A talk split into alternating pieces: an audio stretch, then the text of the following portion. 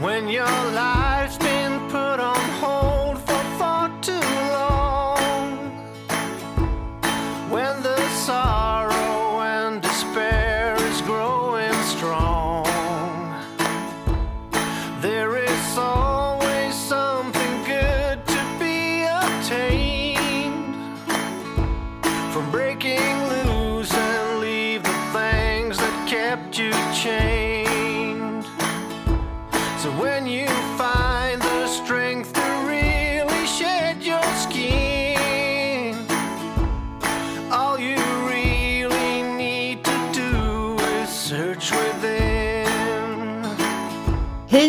Och eh, välkomna till ett nytt avsnitt av Bortom ekorrhjulet.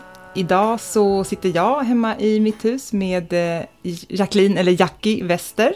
Jättekul, välkommen. Ja, hej tack, kul att vara här. Och du Katta är på distans i Särna. Jajamän, Mm. som vanligt i ladan. Ja. Eh, Har ni och- fikat idag också eller? Nej, Jackie var faktiskt inte så intresserad. Jag försökte bjuda henne på lite kaffe och nybakade så här, bröd, frukostbröd. Men eh, du hade precis käkat. Ja, men att, precis. Jag var precis eh, nyfrukostäten innan jag kom hit. Ja, Mm. Då har jag inte missat lite det. bubbelvatten har vi. Ja. sitter vi och festar på här. Men eh, vi tänkte ju att du skulle få berätta lite om eh, vad du gör och eh, hur du har hamnat där du har hamnat. Och så. Eh, du är ju något så ovanligt som virtuell assistent, kallar Ja. du dig för, eller hur? Ja, men precis. Det är liksom det paraplybegreppet som jag har valt att liksom sätta på, på det jag gör, eller vad man ska säga. Ja. Eh, och vad, vad gör en sån egentligen? Man får ju en liten bild av att det sitter någon slags här, liten robot och styr och ställer, men det är inte riktigt så det är. Nej, det är faktiskt inte helt ovanligt. Det är ganska må- många som har trott, speciellt med, när de har pratat med folk som jag jobbar med, när de pratar om, om min virtuella assistent, så har de trott liksom att de sitter och pratar med liksom, typ en Google Home-person Ja, eller Ja. liksom, apparat. Siri. Ja, men exakt. Och liksom blivit lite oroliga liksom, för deras hälsa. men det är alltså en, jag är alltså en helt vanlig människa, kött och blod. så att, Det kan jag Eh, intyga. Jag ja, ser ju men precis. Ja. Det är ingen AI som är igång nu. Nej. Eh, Men vad man jobbar med är ju så här, det är ju jätteolika. Eh, Det är ju, oftast man lägger ju in de färdigheter och så som man har. Och så är liksom virtuell assistent, är som, som sagt, det är liksom paraplybegreppet. Sen kan man ju lägga in vad som helst i det. Men oftast då så har man ju som en tagline, eller man ska säga, att man har en inriktning i sitt liksom, företag ändå. Mm, just det. Och vilken är din inriktning då? Jag, jag jobbar ju främst med ja, men, lanseringar, lanseringsstrategier av digitala produkter och eh, långsiktiga innehållsstrategier för liksom, ja, men, innehållsskapare eller influencers. Mm. Det är, det är det som det har blivit, det är det som jag gör mest. Eh, så då är du ju, för det är det jag tänker också med just ordet assistent, att man får också lite bilden av att det är någon som eh, här, hjälper till med, ja men inte vet jag, fixar utskrifter och så här. Hjälper du till med momsdeklarationer? Ja, nej, det inne, är inte in min expertis, så att det, det Nej. har jag, kommer jag även lägga ut själv i mitt eget Ja. företag. Ja. Nej, ja men precis. Det är ju det som är ehm, kanske att man får ju kanske en bild av vad det innebär. Och det, det kan också vara de här jätteklassiska sakerna, att man ja, men, håller på med inboxstrukturen eller att man liksom eh, bokar tider till att hantera kalendrar och liksom sådana saker. Men i och med liksom att ja, men världen är så digital som den är och många besitter ganska mycket, eller väldigt mycket kompetenser som man kan hjälpa då, liksom, ja, men till exempel innehållsskapare, att underlätta liksom deras och bygga deras business mer och bättre och kanske mera hållbart i längden, så kan man ju lägga till liksom, och göra, ja, som jag tycker, då, roligare uppgifter än att bara sitta och typ rensa någons mailkorg. Men man kan också göra det om det är ens, liksom, är det din expertis så kan du också göra det. Mm. Mm. Det är inte min expertis kan jag säga. Nej. jag är nog sämst i hela universum på att rensa mejlkorgar. så att, eh, Du är nog inte ensam. Men Jack, jag tycker det var intressant att höra lite om eh, dels din bakgrund och hur du landade i det du gör nu. En, ta, oss, ta oss med längs vägen. Ja, eh, ja alltså så här, jag, ja, jag började ju med att plugga Eh, så att jag har ju pluggat dels först som till webbredaktör. För att, så att liksom intresset för det digitala och liksom internet och liksom, ja, vad man kan göra med det har ju liksom alltid funnits. Eh, ja, men jag har ju alltid velat jobba med kreativa saker och få skapa liksom, och eh, helst vara ganska fri också, bestämma själv vad jag gör och liksom sådär. Men folk berättar ju för mig att nej, men du ska nog satsa på, satsa på någonting som du kan få ett jobb inom. Eh, det är väldigt svårt och så, du, kommer inte, liksom, du kommer inte kunna göra det och liksom köra på liksom, på din egen grej på något sätt. Det är liksom, nej, plugga någonting som du kan få ett jobb inom. Så därför började jag då på systemvetarprogrammet. Men insåg väl ganska snabbt att nej, alltså det här är inte kul. Jag kommer inte, jag kommer inte liksom Det låter inte kul.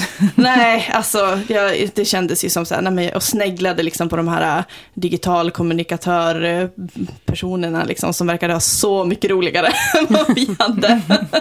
så att det var liksom, nej, men jag insåg väl någonstans att nej men det här kommer jag aldrig göra klart. Så att eh, jag gick till studievägledaren och bara, här, jag har kurser, vad kan jag sätta ihop av det här? Jag vill bara ha en examen.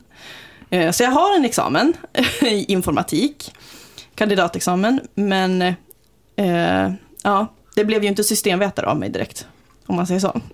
Nej. eh, och sen så blev det väl så att jag, ja men, åren gick och så tyckte jag liksom att, jag tänkte så, ja men jo, jag vill ändå hålla på med det här med liksom, jobba på internet och få skapa saker och hålla på med marknadsföring och sånt, för det, jag tycker att det är så kul. Men, och då tänkte jag så här, ja men okej, är det influencer då som jag måste bli för att få hålla på med det här? Och så tänkte jag, ja, nej men jag får väl bli det då. Eller får väl försöka bli det då, liksom, att det, det är väl det jag får satsa på. Men jag kände liksom ändå innerst inne att så här, nej, jag vill, inte vara, jag vill jobba med de här sakerna, men jag vill inte vara den. Nej, du vill inte liksom fronta, eller vad man ska säga. Nej, Utan, nej. precis. Jag vill liksom inte, nej men alltså jag vill inte vara en influencer, att det är det som är liksom stå på mitt liksom visitkort, eller vad man ska säga. Så sen var det någonstans, men det, sen gick jag ju liksom med den villfarelsen i ett par år ungefär. Sen var det någonstans förra våren som jag liksom trillade över dels det här begreppet virtuell assistent och Hur, var- hur trillade du över det? Eller var, liksom, var hittade du det någonstans? men jag lyssnade på, amerik- började lyssna på mycket amerikanska poddar och så här, Ja, liksom, Visst har väl, ja, men- eh, det är väl ursprungligen, eller jag vet inte om det är ursprungligen, men jag vet att han Tim Ferris som har skrivit den här Four hour work week. Och liksom, Mm. han har inspirerat mycket i den där eh, jobba fritt och ha passiv inkomst. Och, jag vet att han skrev jättemycket om virtuella assistenter då, för kanske 8-10 Mm. år sedan. Jag vet inte om det var han som populariserade det i alla fall. Kanske. Ja, men det var det säkert. Alltså, för det har ju funnits, alltså begreppet har ju funnits runt och så här, det är bara det att det inte det har inte kommit till mig förrän nu liksom. Eh, nej, men det var så att jag började lyssna på mycket med amerikanska poddar med liksom, eh, ja, online-entreprenörer och sådär. Och de, hur de jobbade med sina virtuella assistenter, de var ju inte det. Men, och då var, det som, då var det som att poletten trillade ner att så här, det är jag. Liksom. ja, och så här, det behöver inte handla om mig. Nej. Jag kan jobba med de här sakerna och det behöver inte handla om mig. Och det var sån otrolig lättnad. Mm. Och så här, jag kände bara ja, det är ju jag, det är precis det här. Och så började ju också, jag började liksom märka min omgivning då, liksom, ja, men, som att de att, att folk som jobbade då som influencers till exempel behövde, men de började liksom känna av att de kanske ville ha lite stöttning och hjälp och de har kört på bara, eller vad man ska säga, inte bara kört på men de har ändå liksom go with the flow i flera år och liksom nu börjar jag känna på att ja, men, jag skulle vilja ha lite avlastning och kanske lite stöttning i liksom, hur ska jag göra och utveckla det här mer och liksom, Mm. kanske få just också ändra sin affärsmodell kanske från att jobba primärt med samarbeten och sånt till att ha en mera eh, mer fokus på att deras följare och sådär köper direkt ifrån dem. Ja, för du har bland annat eh, hjälpt eh, Elin som var vår gäst för inte särskilt Mm. länge sedan. Eh, för, förra avsnittet va? Ja, precis. Det stämmer bra. Vi lanserade ju precis hennes eh, Photoshop-kurs. Jag har Eh, köpt gjorde den. Ja men vad kul, jag såg att du var med. Att du ska vara med. Superkul ju. Ja men det är så himla kul och det är så kul att se liksom, onlinekurser har ju börjat komma mer och mera. I Sverige, i USA så är det ju superstort redan, det är liksom en biljon eh, omsättning på det. Men eh, nu börjar det komma mer och mer i Sverige och jag tycker att det är så kul att se att ja, men just influencers och liksom content-skapare som ger bort så mycket saker gratis hela tiden faktiskt också börjar kunna tjäna pengar direkt till, till sig själv Mm. med, av sin kunskap. Liksom. Att de kan göra produkter av det som de faktiskt kan också hjälpa då andra med. Ja, det är ju en eh, väldigt eh, bra idé ju. Alltså Mm. också att man blir friare i, alltså som, som köpare av kurserna Mm. också, alltså hur man vill liksom. Jo men precis, det vill- utmanar ju lite grann i alla fall liksom det här alltså utbildningssystemet och sånt som finns. Alltså att man går kanske på några folkhögskolor eller vad det finns. För att det är klart att det men till exempel Photoshop-kurser och sånt, det är klart att det finns. Men det blir ju en helt annan take på det när till exempel då Elin gör sin Photoshop-kurs. För då Mm. är det liksom, ja, men folk köper av Elin för att de vill lära sig hennes liksom, Ja, exakt. sätt. De har ju sett eh, liksom resultaten. Också. Ja, Eh, precis. Och det blir ju lite mer, det känns lite mer samtida skulle jag säga också, lite mer modernt eh, utlärningssätt. Jag är nyfiken på hur du gick tillväga för att, ehm, att liksom dra igång det här och, och sätta ihop precis det du skulle göra. Ja, alltså jag visste ju inte faktiskt från början riktigt vad jag skulle liksom, jag tänkte så här, ja, men typ det här är jag intresserad av och så liksom började jag någonstans där att liksom känna efter lite grann, höra så här, ja, men frågade folk så här, om jag skulle göra det här, finns det liksom något intresse för det eller finns det ett behov av det? Och så liksom, sen att det har blivit liksom, ja men eh, innehållsstrategier och liksom lanseringsstrategier och sådär som jag jobbar mest med. Det var ju så här, jag hade ju ingen aning om det när jag började liksom lägga basen eller för det här, utan liksom passionen för det här har ju kommit med att jag började jobba med det. Eh, så att det är liksom inte som att det är inte som att någon glödlampa liksom slogs på och att det bara, sen fanns bara passionen där, utan det har kommit eftersom när jag har jobbat med det och ser vad det kan göra för de här liksom personerna och deras företag. Känner du aldrig av eh, den här eh, stressen som, eh, som vi alla andra gör? Eftersom du jobbar så mycket också med, så här, med olika personer och, både, och ditt eget innehåll eh, och att du är i den här världen liksom hela tiden. Blir du aldrig liksom skärmstressad, eller ska säga, eller så digitalt stressad? som, Eh, jo, absolut. Alltså det vore ju verkligen att ljuga och säga nej. Eh, jo, men det blir jag. Ehm, men så att det är liksom... Ja, men jag försöker ändå hitta någon liksom balans i det där och liksom... Det blir ju mycket, speciellt i precis lanseringstiden när det är liksom, ja, kanske en månad innan liksom, som man öppnar kursen så att säga. Då blir det ju alltid mycket, det är många delar som ska ihop och speciellt när det är första gången då ska liksom all infrastruktur och sådär ska ju liksom sättas och det är kopplingar hit och dit och så. Och ändå är det alltid någonting som inte funkar. Men, eh, och då blir det ju, det blir mycket jobb då. Mm. Och liksom nu på senare, speciellt nu eftersom att jag är så pass ändå i uppstarten fortfarande, så vill jag ju också liksom sätta någon typ av ribba, liksom att eh, vad jag gör. Och då, då blir det liksom att jag, jag har ju valt nu, jag prioriterar att jobba och jag vet att så här, men jag kommer inte jobba så här för alltid. Utan jag jobbar mycket nu, men sen är min plan att ha en bättre balans.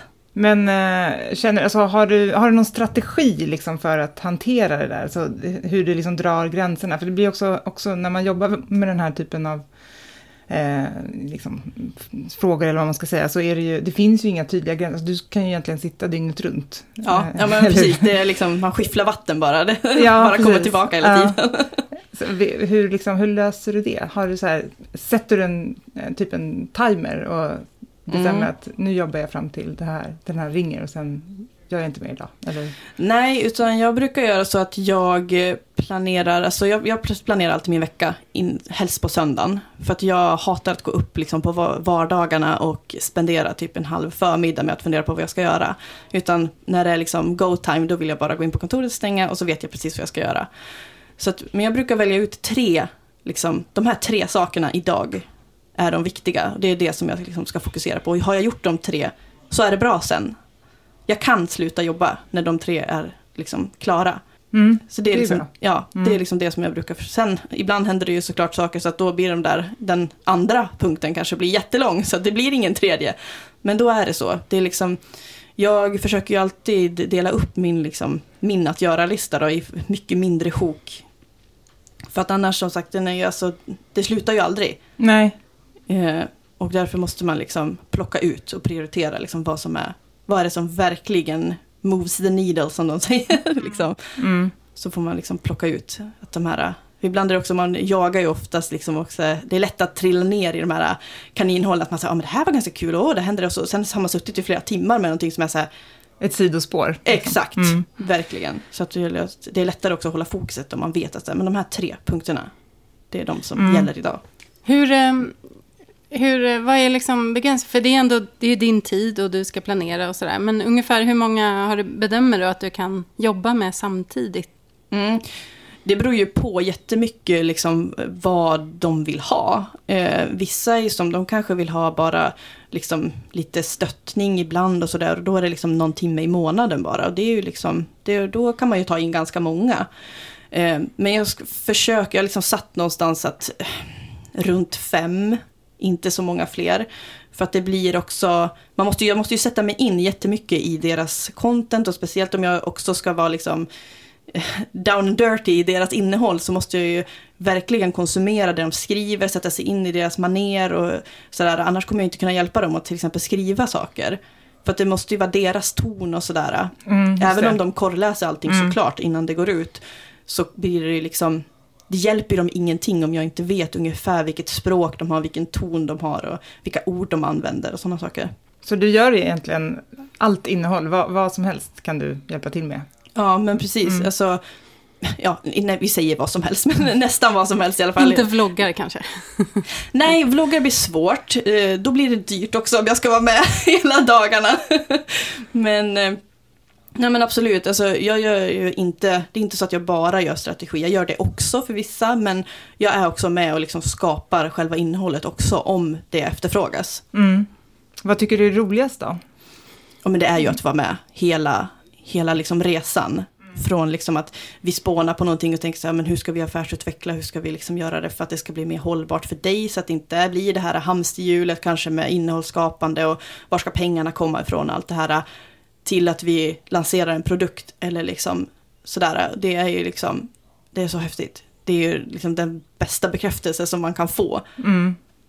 Har det, vad ska man säga, har det liksom varit eh, framgångsrikt? Alltså i alla fall du har jobbat med, eller har det ibland inte funkat med den tänkta strategin? Eh, lite upp och ner är det ju såklart. Mm. Eh, men det har ju absolut varit lyckat alla gånger hittills. Mm. Så det är jättekul också. Jag väntar ju med spänning ändå på liksom när det ska floppa totalt.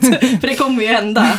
Men jag ser ju det som bara, alltså, ja men då lär vi oss någonting av det. Det, är så här, det är någonting fel då som man har gjort, inte haft rätt ton eller liksom fel personer och sånt där. Det är ju liksom, det är oftast inget personligt, alltså om saker går dåligt så är det oftast inte personligt mot den som har skapat och försökt till exempel sälja något. Utan det är snarare från vår sida då att vi kanske har pratat fel med liksom, mottagaren. Och det tycker jag liksom är skitintressant. Det kan jag gå in på liksom, och prata hål i huvudet. Ja. ja, men eh, det är intressant ändå att det har ehm, liksom funkat så himla bra. Ja, verkligen. Det är superkul. Det är så kul att se tycker jag liksom för, för dem som jag jobbar med.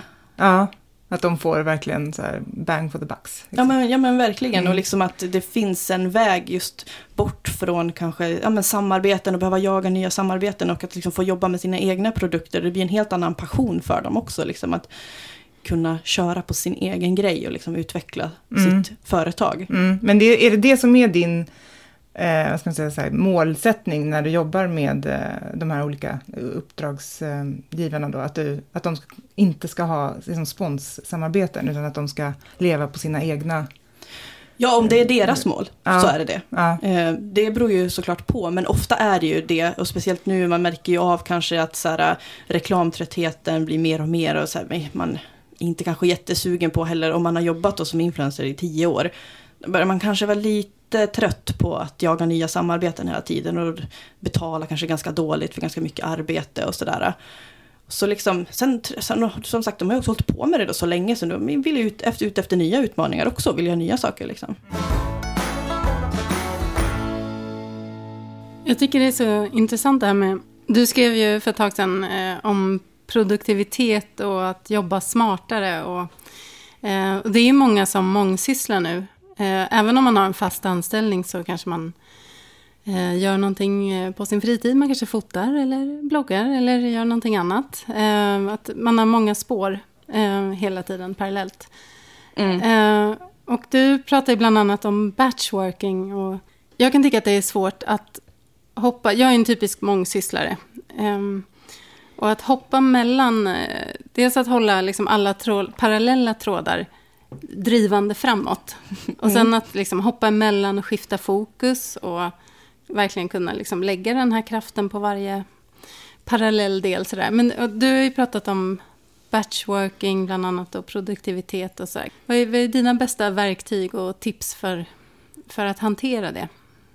Mm. Alltså mitt eh, första tips är ju sluta multitaska. Alltså sluta ha dina parallella spår. För att, jo men alltså så här, eh, det är ju inte något hittepå utan eh, vi, man kan inte göra fler än en sak. Alltså hjärnan kan inte fokusera på mer än en sak i taget. Så att, att när, man, när du tror att du har alla bollar i luften och liksom att du, att du kommer framåt i jättemånga olika saker samtidigt. Det stämmer inte och det tar jättelång tid att göra klart en uppgift. Om, till skillnad från då om du liksom, men nu gör jag den här saken. Om du ska skriva ett blogginlägg och typ redigera lite bilder eller kanske och mejla lite och så göra alla de här sakerna samtidigt. Alltså, du kanske ser själv då, liksom hur lång tid det kommer ta för dig att skriva det där blogginlägget. Och hur mycket fel det kommer smyga in och så här. Det är mycket bättre att bara göra en sak. Och det är det som batchworkingen går ut på också. Att du, liksom, du tittar på din, vad du behöver göra. Och sen planerar du in liksom i tidsblock, eller vad man ska säga, sjok av tid. Där du bara fokuserar på en sak. Och då är det liksom, lägg bort telefonen, du kan sätta timer på den. Och man kan ju, jag brukar ta typ två timmar, sen kan man ju ta liksom paus emellan där och så. Men man får ju känna efter själv liksom vad som, om man vill ha kortare eller längre tid. Så det är så, det är liksom, sluta göra alla saker samtidigt, det funkar inte. Nej, gud, det där är ju verkligen den stora... Det är nog nyckeln till väldigt mycket, Mm. precis som du säger. Men, eh, men det är ju så svårt. Men det är jättesvårt så att jäkla släppa. Svårt. Ja. Vi, ö, vi har ju någonstans övat oss in i den här liksom, att det, det, det beteendet. Och det är liksom Mm. en beteendeförändring som man måste göra och det är ju skitsvårt att göra. Men eh, jag tror ändå alltså, om man, man får liksom anstränga sig lite här och göra det. Eh, för att, men det är, också, det är också det här som jag också pratar om ibland, att så här, vi har också övats in i att vara upptagna hela tiden. Det är också därför det, men det är svårt att sluta jobba till exempel om man är egenföretagare och sådär. För att det finns ju alltid, man kan alltid vara lite bättre och göra lite mer. Men att vi måste liksom lägga av med att här, se, när vi, att säga att man är upptagen som att man också, det är också ett, ett eh, värde på dig. Att det är liksom ett sätt dels att få bekräftelse Mm, absolut. och sådär. Så att tagga ner lite grann helt enkelt. Och det är jättesvårt. Men att det är därför som jag tycker att, att dels ha så här, "Ja, men nu är det här mina tre punkter idag. Det är de jag gör. Jag fokuserar på en sak i taget. Och sen när de är klar, har jag fortfarande tid som jag är beredd att lägga på jobbet. Så kan jag göra det. Då kan jag plocka nästa sak på min lista. Och vill jag inte det, nej men då slutar jag för dagen. Mm. Ja, för det tyckte jag du skrev så bra. Just det här med att öka produktiviteten. Men inte för att kunna liksom, absolut stoppa in eh, massa fler saker. Utan för att faktiskt få mer tid till annat som man mår bra av eller vill göra. Ja men Eh, precis, att eh, liksom när jag tipsar om produktivitet och sådär så är inte mitt mål att du ska jobba ännu mer. Utan det är att du bara ska jobba smartare. Men inte nödvändigtvis fylla på med ännu mer saker. Nej, att man liksom ska vara mer effektiv egentligen. då, Ja, eller? men alltså precis. Alltså, Och att din arbetsdag faktiskt tar slut någon gång. Mm. Eller vad det nu är som man gör. För man kan ju såklart applicera det på andra saker också. Om det är liksom hushållet eller liksom vad som helst. Att så här, när jag Mm. städar det här rummet till exempel. Då städar jag det här rummet och inte springer runt i hela huset kanske. Gud, alltså det där är ju jag verkligen. Det är liksom exakt så jag gör. Och så blir det så jävla ineffektivt. Och så, Och så har det gått en hel dag. ja, och så är allting halvfärdigt. Liksom. Ja. Det är som Ja. Emilia sa så här. Men stoppa inte in en tvättmaskin för det blir bara mer jobb. så. Ja, precis. Ja, tvätta mer precis. sällan istället. Ja, någon slags överslagshandlingar man håller på med hela tiden. Ja. Utan att ens tänka på det. Ja. Jo, men det är ju lätt hänt att så här, oh, nu är jag klar med det där och vad bra, ja, men då kan jag göra det här också. Det, är- det är väldigt Mm. lätt. Och som du säger, vi har ju en kultur av att liksom alltid vara på, alltid liksom leverera och vara produktiva. ja, men precis. Och, och det är väl den också... synen som behöver ändras. Ja men absolut, och det där märks ju, det märks ju i sociala medier mycket och så att det är liksom en hustle-mentalitet som liksom ligger över att det, det, är- det är fint att jobba hårt och mycket hela tiden. Eh, Men det är ju så, jag tycker ju att jobba lite mindre och jobba smartare, gör det du ska, absolut, ta liksom ansvar för det du har du sagt att du ska göra saker så liksom leva upp till för dina för förväntningarna. Mm. Men liksom, ta det inte för långt till att du sitter där klockan tio på kvällen och datorn är fortfarande på. Och så har du inte tränat eller ätit middag med familjen eller vad det nu kan vara. Liksom. Nej, precis. Men det där känns ju faktiskt ändå som att det kanske håller på att bli ett lite så här, paradigmskifte i hur man ser på det där med Mm. arbetstid och liksom, det känns inte som att det är riktigt lika coolt längre att bara, ah, jag har så mycket inbokat och jag är så liksom, jag jobbar 12 timmar om dagen och alltså att det är ju kanske inte så mycket som man på samma sätt skryter med som det var bara för kanske fem år sedan eller någonting. Att, det ändå, att nu börjar ju folk prata mer och mer om hur värdefull tiden är. Ja, liksom. men Men absolut. s- Samtidigt absolut. så möts man ju, för att när jag, när jag blev egen då hade jag ju som mål att jobba 50% debiterande tid. Liksom, och 50% utforska mina intressen och bygga liksom, på egna projekt som inte nödvändigtvis behövde vara inkomstbringande. Och som i höstas till exempel, då hade jag ganska lite jobb. Jag hade liksom givit mig själv lite mer ledigt. Mm. Och det var liksom, dels så kände jag själv att det inte var helt okej att vara så pass Mm. ledig. Eh, men sen så blir man också ifrågasatt ändå, även om det pratas mer nu om att liksom, ja, man ska värdera sin eh, fritid och avkoppling och inte jobba dygnet runt sådär, så är det ändå lite, ja, att man får förklara sig tror jag. Jo men absolut, alltså, jag, jag märker också av det, alltså, det och det märks ju liksom eh, Ja men på internet då, det är ju där vi är, de flesta av oss, mm. mest mycket tid liksom. Ehm, och det är där vi liksom uttrycker oss och kommunicerar och sådär. Och det märks, jag tycker också att det märks att det ändå, det finns en motrörelse. Men det är, så, det är ju som du säger, att även fast det liksom premieras mer och mer, att så, här, ja, men om man ska ta vara på sin tid och allt det där, så måste man ändå ofta liksom förklara sig. Och om man till exempel då som egenföretagare, så här, nej, men nu, idag, nu prioriterar jag att till exempel vara ute idag liksom på dagen. Så, så här, jobbar du aldrig? Och liksom, så här, eller ska, måste du inte jobba? Och liksom, ja, man måste förklara, så här, oh, fast jag har ju nu liksom allokerat tid till att vara ute på dagen och så kanske jag jobbar ikväll. Mm. Eh, men det är så att absolut. Ja, det är väl en process att, ehm, att skifta. Mm. Eh, Ja, precis. För det, det är ju en stark eh, 8 till 5, 40 timmar i veckan norm och kanske Mm. lite till. Men eh, så det, just, just det här med att vara ledig på dagtid eh, Mm. är också liksom på Ja vardagar. men precis. Ja men exakt, det får ju liksom ofta liksom, det får ju försvaras att man gör det. Men jag tycker ju att det är, liksom, det är ju det bästa nästan. Att man kan göra, typ om man måste göra ärenden och sånt där, då kan man göra det när alla andra jobbar. Det är ju Mm. fantastiskt. Det, går ju, det blir mycket mer tidseffektivt. Ja, men alltså det där, ja, som sagt, jag tror också det är nog en process. Att det, det har ju tagit ganska lång tid att komma till det läget där vi nu har varit väldigt länge. Alltså det här med att det är liksom status att jobba mycket eh, och dra in mycket pengar och liksom kunna köpa dyra prylar. Och nu håller vi på att liksom svänga om från det, men den processen kommer ju också att ta såklart Mm. ett antal år innan det. Men jag tror verkligen att det är på väg att hända. Och speciellt liksom din generation, alltså som de lite yngre människorna som nu har verkligen kommit in på arbetsmarknaden, tror jag tänker på ett helt annat sätt. Ja men det tror jag också. Jag tror liksom att det är ju det är ett mindset och det är ju Mm. så, det är ändå, det är ju ett beteendeförändring som ska göras. Och det är liksom de här ja, men äldre generationerna, då, de finns ju fortfarande där på arbetsmarknaden och ifrågasätter liksom nya tankesätt och sådär. Men så kommer ju som sagt, ja men nu drar jag mig själv med som yngre här, vi yngre. eh, och kanske liksom tänka att ja, men måste man verkligen jobba 40 timmar och måste det vara liksom 8 till 5 och ja, men så här, man liksom hittar nya vägar och speciellt liksom med, men med tekniken och så. Det är, finns ju massa möjligheter och sånt som man kan Ja, utforska. precis. Ja, men bara det här med att, att jobba hemifrån, alltså Ja. även om man liksom eh, har ett kontor, som ju ändå väldigt många har. Det är också faktiskt fortfarande ganska många chefer som tycker att det är liksom mm, lite så här suspekt, tror jag. Och att de inte riktigt har koll och som att man liksom smiter undan. Ja men precis, det är liksom lite, ja, men om man är hemma så är man ledig. Ja, men det är för att det har ju alltid varit så. Mm. Att så här, när du inte är på jobbet så jobbar man inte. Nej. Så att det blir ju, det blir ju liksom en, en tankevurpa där Mm. någonstans. Att man måste ju komma in i det här att ja, men, om jag säger att jag ska jobba hemma så jobbar jag hemma. Jag har en dator, jag har Mm. internet. Du kommer se att jag jobbar. Ja, precis. Det märks ju ändå om Ja. man har gjort det man ska göra. liksom, Precis, det märks inte. ganska tydligt. Ja.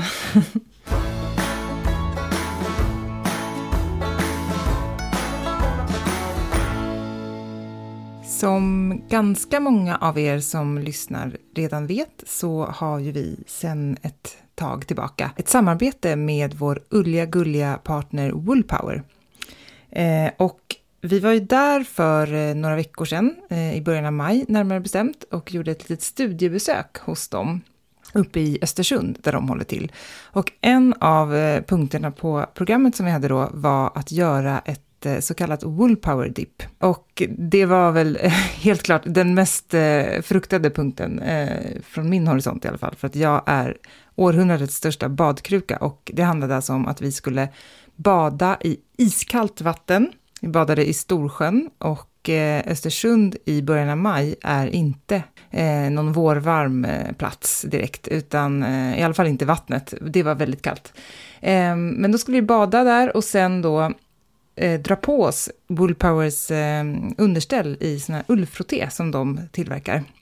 Och sen skulle man då få uppleva att man direkt kände sig varm och torr. Inte hålla på och fjanta sig med någon handduk eller så, utan man bara hoppar rakt i, alltså blöt, i de här underställen. Och det var vi väl båda eh, ganska skeptiska till, om det skulle fungera. Och eh, vi tänkte att ni ska få höra här hur, eh, hur det gick till när vi gjorde det här. Ja, nu står vi här. Johanna, nu är det dags.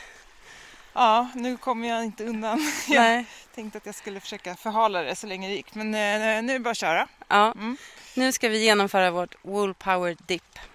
Eh, och sen ska vi direkt efter då ta oss upp och eh, dra på oss eh, våra underställ. Mm. Utan alltså att torka oss med någon handduk eller så, utan det är Mm. liksom... Vi ska helt enkelt torka med understället. Eva, vad kan vi vänta oss? Vad, vad kommer underställen hjälpa oss med Och ni kommer känna att ni är varma och goa. på en gång? Ja, så fort det där ullunderstället kommer mot huden, mot naken hud. Så att Mm. badar man med underkläder så ska ju de av då innan understället kommer på. Mm. Då kommer värmen att spridas av hjälp av ullen och blodflödet då som sätter igång såklart när man Ja. hoppar i kallt vatten. Så att varm och sen torr också ganska fort. Så man Ja. på sig och sen så får ullunderstället göra jobbet helt enkelt. Ja, spontant har jag liksom svårt att tro på Jag hör det på rösten. Men jag är helt, helt trygg i det här. Jag vet Ja. att ni kommer att tycka att det känns bra efteråt. Ja. Mm. Härligt. funkar. Ja, då så Johanna, då kör vi väl då, så får vi se om de ljuger eller inte. Ja, de första modiga stegen är tagen. Det ser väldigt skönt ut tycker jag. Jajamän. Tänk inte! Andas.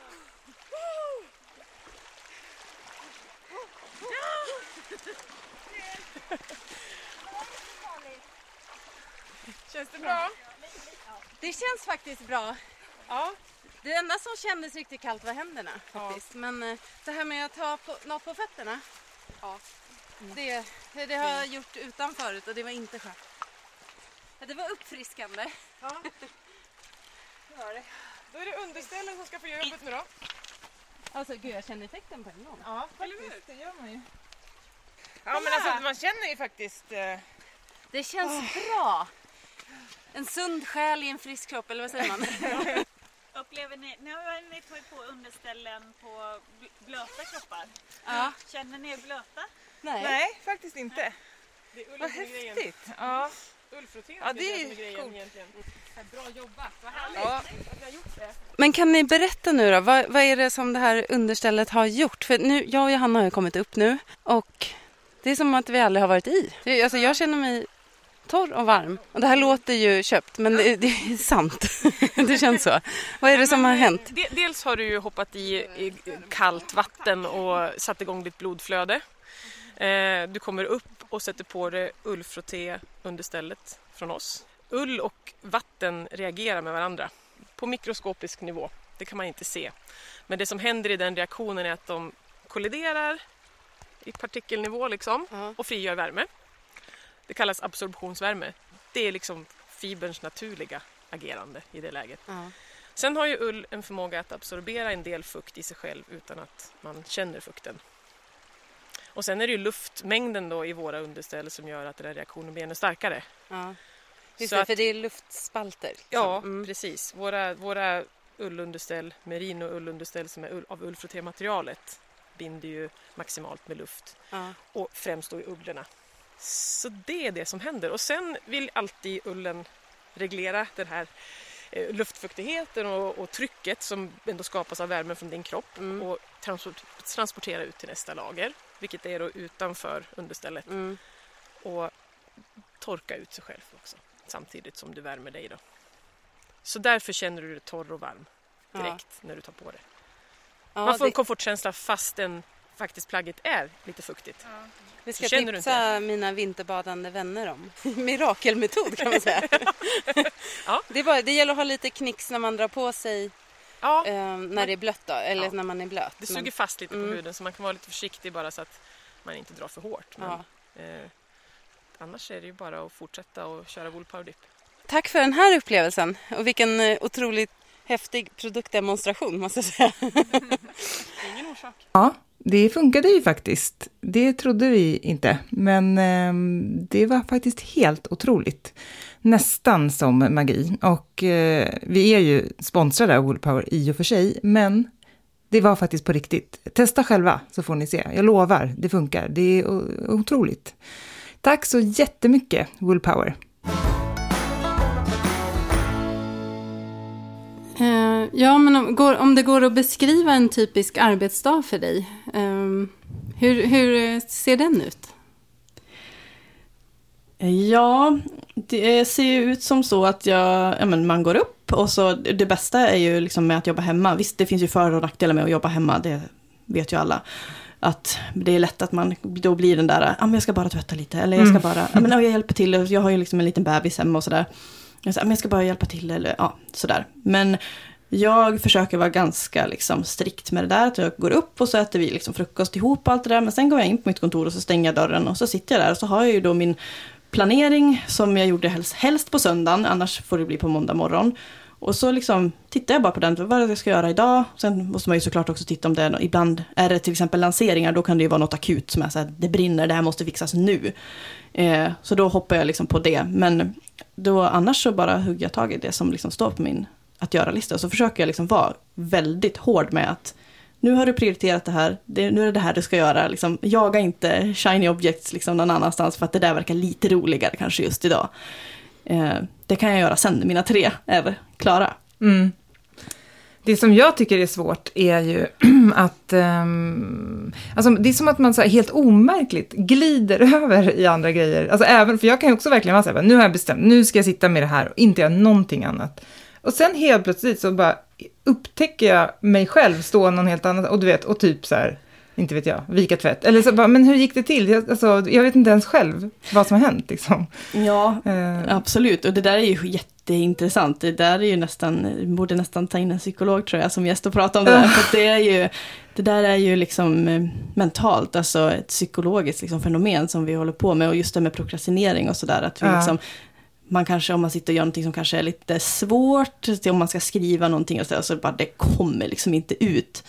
Då är det lätt, då börjar man, kan tänka man, "Nej, men jag tar ett varv i huset och liksom här, känner att jag får lite nya intryck och så. Sen står man där som sagt och viker tvätt eller dammar eller liksom, eh, har liksom, sitter och klappar på hunden eller vad man gör. Liksom. Och det där är ju liksom mer, just att det blir prokrastinering av det är ju för att vi ska få oss själva att må bättre. För det känns som att då gör vi någonting. Alltså, att du får inte gjort det som du hade sagt, men du gör någonting i alla fall. Så du känner dig ändå lite duktig liksom. mm. Visst brukar det sägas att man ska börja med de här svåra sakerna, eller ta dem först på dagen för att man är fräschast då? Eller finns, finns det några sådana Mm. knep som du kan tipsa om? Ja, absolut. Alltså jag försöker ju, det är alltid så här, ja, det är klart, jobbar man hemma och allt och har man inte barn eller liksom sådär och man kan sova och liksom ta sovmorgon om man vill. Men jag tycker ju att det finns en stor fördel i att gå upp för att du är ju bäst på morgonen. Oavsett om man är en morgonmänniska eller inte. Så är det liksom, du är klarast, du är piggast. Och så här, någonstans efter lunch så börjar det liksom dala i, du har mest koncentration på förmiddagen och på morgonen. Så att absolut, ska du skriva saker eller liksom, har du uppgifter som är liksom, du, som verkligen kräver liksom, stort fokus, se till att göra dem på förmiddagen. Så här, skjut inte upp det till eftermiddagen. Det är så lätt att man gör det, speciellt om det är kanske lite motigt och lite svårt och sådär. Men det är så här, bara, bara gör det. Mm. bara gör det på förmiddagen. Det kommer gå ännu lättare om du gör det på förmiddagen. Gör du det på eftermiddagen, då kommer det bara vara ännu svårare. Ja, precis. Det är ju det som egentligen är så dumt, att man håller på att skjuta fram grejer, för att det blir ju inte lättare. Liksom, Nej, för men- att man gör det. Nej, precis. Och så kan det liksom, åh, du kommer känna dig så himla duktig också sen då. När du liksom, om det är lunch och du har redan gjort det där jättejobbiga. Det var skönt, vilken härlig eftermiddag du kommer få. Mm. Bra målbild. Hur hanterar du det här med att inte ha kollegor då? Funkar det bra? Ja, alltså eftersom jag kommer ju från att eh, sitta i kontorslandskap, vilket var fruktansvärt och eh, när jag liksom påtalade typ att så här, ja men kan vi inte liksom, det här är jättejobbigt för mig, kan vi inte, måste vi, ja vi måste göra någonting åt det här, alltså kan folk måste prata tystare, typ se till att man verkligen har mobilen på ljudlös och så här. Då är det liksom jag som är problemet i den miljön. Surkärringen liksom. Ja, men liksom, det är jag som inte tål något i princip och liksom sådär. Så att jag tycker att det är jätteskönt att gå in på mitt eget kontor och bara stänga dörren. Eh, och jag tycker ju liksom att, visst jag träffar inte mina kollegor jätteofta liksom i verkligheten, men jag pratar ju med dem varje dag i princip ändå. Eh, både liksom på Skype och på Messenger och liksom på text och sådär. Och i våra liksom planeringsverktyg och allt för det. Så att vi har ju liksom tät kontakt. Jag, tycker ju, jag känner mig aldrig ensam. Det gör jag inte. Och sen liksom, ja, så ses vi ibland och så kör vi liksom workshops live och sådär. Och det är liksom, då kan vi köra som en hel eftermiddag eller en hel dag. Liksom. Det är jätteskönt för mig att kunna välja. Så jag, som jag är så här, ja, men om jag umgås mycket med folk och sådär och är liksom i en stökig miljö så kan det ta liksom flera dagar för mig att så ladda om och liksom känna att jag liksom känner mig pigg och fräsch igen. Så då att sitta på ett kontorslandskap, alltså dels åka in till stan här i Stockholm och sitta på ett kontorslandskap med liksom kanske 10-15 andra personer och det springer, det är telefoner och liksom man blir konstant störd hela tiden och måste liksom hitta fokus om och om igen liksom hela dagarna. För att gå från det till att verkligen så här, nu kan du sitta här, ingen kommer störa dig om det inte är liksom jätteviktigt. Och jag kan välja att inte svara på meddelanden eller om det ringer och sådär, utan jag har liksom mitt space det är ju helt fantastiskt. Jag är ju liksom en helt annan energi och liksom, jag är ju en gladare människa nu. Jag skulle vilja fråga, så här, det kanske är många av våra lyssnare som funderar på att eh, bygga upp något eget eller eh, ja, eh, någonting där eh, dina typer av tjänster skulle kunna bidra och hjälpa till. Sådär, hur skulle det gå till om de skulle ta in dig? sådär? Hur, hur börjar du och hur, hur jobbar man med dig? Liksom? Jo, alltså oftast så, det börjar ju oftast med ett mejl. Eller att någon till exempel skriver till en på Facebook eller sådär. Ehm, men då är det ju oftast, om de har varit inne till exempel och tittat på min hemsida kanske och tittat lite grann och eller sett att jag har varit med på lanseringar och så jag känner igen mig liksom från det. Eh, så att de känner ju igen ungefär åtminstone vad jag gör. Och sen har de ju ofta, oftast i alla fall har de en bild av vad de behöver ha hjälp med. Men ibland så kommer de också säga hjälp mig bara. Jag vet inte vad jag, vet inte vad jag behöver. Eh, men så här, och då, ja, men då brukar vi ha, liksom, vi har ett samtal inledande liksom, ja, men på Skype eller Zoom eller någonting sånt. Och så pratar vi lite bara. Så här, känner av också, för det är ju viktigt med liksom, personkemi och sådär. Mm. Och att arbetssätt funkar och liksom att, för att annars, eftersom att man ska jobba så tight som det ju oftast blir. Eh, Och på distans så måste det där liksom flyta. Och ibland, alltså, det är ju inget personligt eller så, men ibland så klickar man ju bara inte. Och det Nej. funkar inte. Men hur hanterar du det då? Alltså har det hänt, att du liksom Mm. säger det? Och, eller så Ja. att jag, jag, tyvärr, jag kan Ja. inte jobba med dig för att... Ja, men det har hänt. Ja. Eh, och så här, det är ju alltid jättetråkigt, speciellt eh, det har ju hänt att man kanske också har kommit igång redan lite grann. Och så märker man kanske efter någon vecka att så här, "Nej, men jag tror inte att det här kommer funka liksom i längden.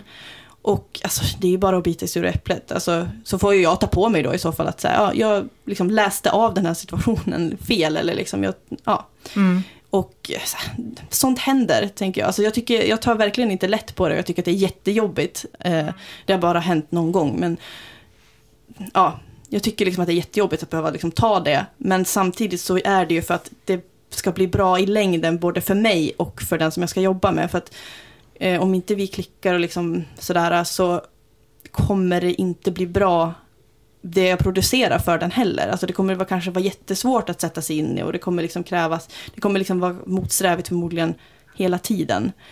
Så jag tycker liksom att det där är jätteviktigt när man pratar initialt, att man känner av och liksom man märker ganska snabbt ändå tycker jag om det är så här, kommer det här funka eller Mm. inte? Så ibland så kommer det någon som glider igenom och så märker man det liksom efter ett tag, men det, det, det kommer hända. Det kommer Ja. hända alla. Så att om du liksom, är man sugen på att liksom börja på det här, så kör inledande samtal, fråga vad de behöver. De kanske inte vet, men då får man liksom ställa frågor. Så här, hur, hur gör de? Så här, vad tycker de är jobbigt idag? Vad tycker de är roligt idag som de gör till exempel? Och vad har de för drömmar? Vad är det för visioner de har? Och så, Ehm, och så får man ju helt enkelt försöka känna av liksom, att kommer det liksom funka? Och är det här någonting som liksom rör mig framåt mot mina mål? För det är ju som, även om jag hjälper andra så har jag ju såklart egna mål i mitt företag också, liksom vision för liksom vad jag ska göra.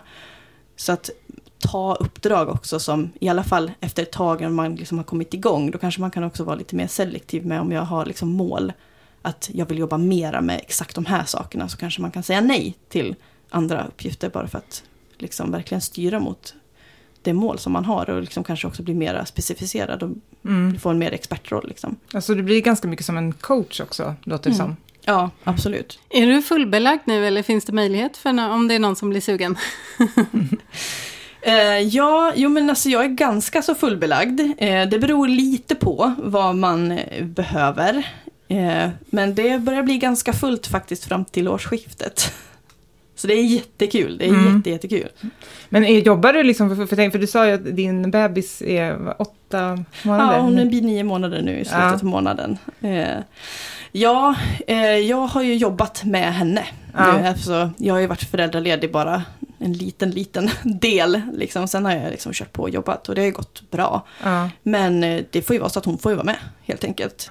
Eh, så att jag kommer ju också, nu till exempel då när jag ska fortsätta vara föräldraledig ett tag, så måste jag ju anpassa kanske arbetsuppgifter. Jag kanske inte kan ta på mig lika mycket liksom, att sitta och skriva massa mail och skriva copy och sånt där som kräver liksom fullt fokus in i datorn. Mm. Medan till exempel coaching och sånt mera liksom att ge feedback på saker och liksom sådana saker. Det är ju lättare att göra, alltså hon kanske kan vara med till exempel om det, om det behövs. Och så. Hon brukar väl liva upp mötena, eller? Ja, alltså hittills har det inte varit några problem. Bra Jag brukar lätta icebreaker. upp stämningen. En gullig bebis liksom. Precis.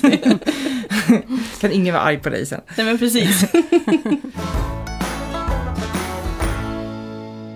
Du eh, har ju också dina egna eh, intressen och eh, saker som du brinner för. Som, du, du har ju din tagline där det står att du är skogsbunden, Mm. eller hur? Ja men precis. Och sen är du fotograf också. Mm. Hur får du liksom ihop, för det känns också som att det är lite så här två kontrasterande världar nästan, att vara inne i det här hela så här, eh, snabba digitala flödet liksom. Och sen så att få in den här natur, eh, naturälskande delen också, eh, och fotandet och så. Hur, hur, liksom, hur får du ihop det? Ja, alltså jag har ju skrivit, liksom valt den taglinen lite grann också för att man ska som liksom utifrån då kunna få lite ganska snabb liksom, insikt i vem jag är och liksom vad jag gillar och hur jag är som person och sådär. Hoppas jag i alla fall. Det är liksom tanken med det. Eh, och jag tycker ju liksom, eller för mig är det ju så att, att vara liksom nära naturen och leva liksom långsammare, och försöker alltid göra det och leva liksom enklare, är en förutsättning för att jag ska kunna vara liksom pigg och alert och liksom med på och tycka att det är kul med allt det här snabba som händer liksom online. Så det, är liksom, det blir som en kontrast. Och det är ju återhämtning för mig att vara Mm. ute. Och så även om jag fotar och så, så ser jag ju det mest som rekreation. I alla Mm. fall när jag fotar för mig själv. För mina egna kanaler och så. Mm har du något tips på bra planeringsverktyg eller modeller, stöd ehm, för de som är nyfikna på det här men kanske vill labba lite själva? Mm, alltså, så här, jag brukar ju säga att så här, det system som du använder är det som funkar. Eh, sen finns det ju massor, det liksom planeringsverktyg, Trello, Asana, Monday och allt vad de heter. Det finns ju hur mycket som helst. Eh, ClickUp, eh, ja, det finns ju en hel liksom, hög av det. Men använd det som funkar, alltså du får testa dig fram. Det är jättesvårt att säga, det finns ju liksom inte en mall riktigt för det, utan du måste hitta något som har kanske ett utseende och ett flöde som du liksom gillar. Eh, till när jag ska planera mitt innehåll så har jag så här, jag gillar ju liksom papper och penna och är liksom på det sättet ganska analog. Men det är väl igen då liksom en kontrast till att allt annat är digitalt och sådär. Så att när jag ska planera mitt innehåll, då är det ja, då tittar jag ofta, man har ju liksom sina anteckningar i mobilen med sina idéer och allt sånt där. Och då skriver jag upp dem på post-its. Och så planerar jag liksom ut mina inlägg då till exempel som ska vara på bloggen och det som ska ut på min mejllista. Ehm, och som jag har någon mer kanal som det ska ut på. Så, liksom, så sitter jag och planerar det analogt med mina post-its och flyttar runt liksom för att se att det blir liksom en bra mix och sådär. Sen lägger jag in det i ett Excel. Så så liksom stolpig är jag. Jag har inget fancy planering. Alltså jag använder ju Trello och sådär liksom i jobbet men för mig själv så kör jag liksom ett Excel-ark som är färgkodat bara med olika kategorier så fyller jag i allting där. Mm. Alltså det gäller egentligen att hitta det som man Alltså, känner själv. ja men liksom. precis, prova och så här, gå inte på kanske, kan man ska säga, alla, alltså just alla de här verktygen. Alltså testa dem absolut och se liksom vad som funkar. Men om du har liksom en Trello eller någonting uppsatt, fullt med kort och allt vad det är. Och så är du aldrig där inne, du, har, får inte in dig i din rutin att det är dit du går på varje morgon och liksom tittar. Då blir det ju liksom, det kommer ju bara ligga där och skräpa. Så har det tagit bara massa tid att lägga in det och så använder du det inte. Mm, den fällan tror jag, det har jag sett omkring mig och för mig själv också, att man, man liksom fa- faller i Det den. blir- Åh, precis, det här det verkar vara ett liksom häftigt verktyg. Liksom. Ja, det blir liksom planera för planerandets skull och så har man ägnat en hel dag åt det, Mm. liksom, och ibland kanske flera dagar till och med, för att man kommer på att nej men det här verktyget det var inte så bra, det gillade jag inte, så provar man något annat och så provar man något annat. Sen har det gått en hel vecka och man har bara suttit och liksom lagt in sin att göra-lista om och om igen. Ja, det blir inte så effektivt heller. nej, Det kanske är bättre att bara ta en papperslapp och liksom... ja men precis, och så testa det fram och liksom, jag tänker att man inte ska stirra sig blind på de här äh, drag and drop häftiga liksom, eh, programmen som finns, utan ibland är ett Excel-ark perfekt. Jag har i och för sig aldrig lyckats bli kompis med Excel, men eh, jag, jag känner också att mer så här enkla, jag, jag kan ju bara köra typ i Word och lägga in, alltså göra så här punktlistor, eller liksom, Ja. ja. Eller typ papper och penna. Ja, det händer ju något när man skriver ner det, tycker jag, för hand. Mm. Liksom. Mm. Det, Ja, det fastnar lättare i huvudet på mig då. Ja, men det är samma här. Jag tycker, alltså, ska jag komma ihåg någonting, då är det alltid skriva ner som gäller. Bra att få öva lite på handstil. Precis. fin, finskrivning också ibland, det gör man ju nästan aldrig. Nej, men precis. Man måste komma ihåg hur man gör när man Ja, skriver. Precis.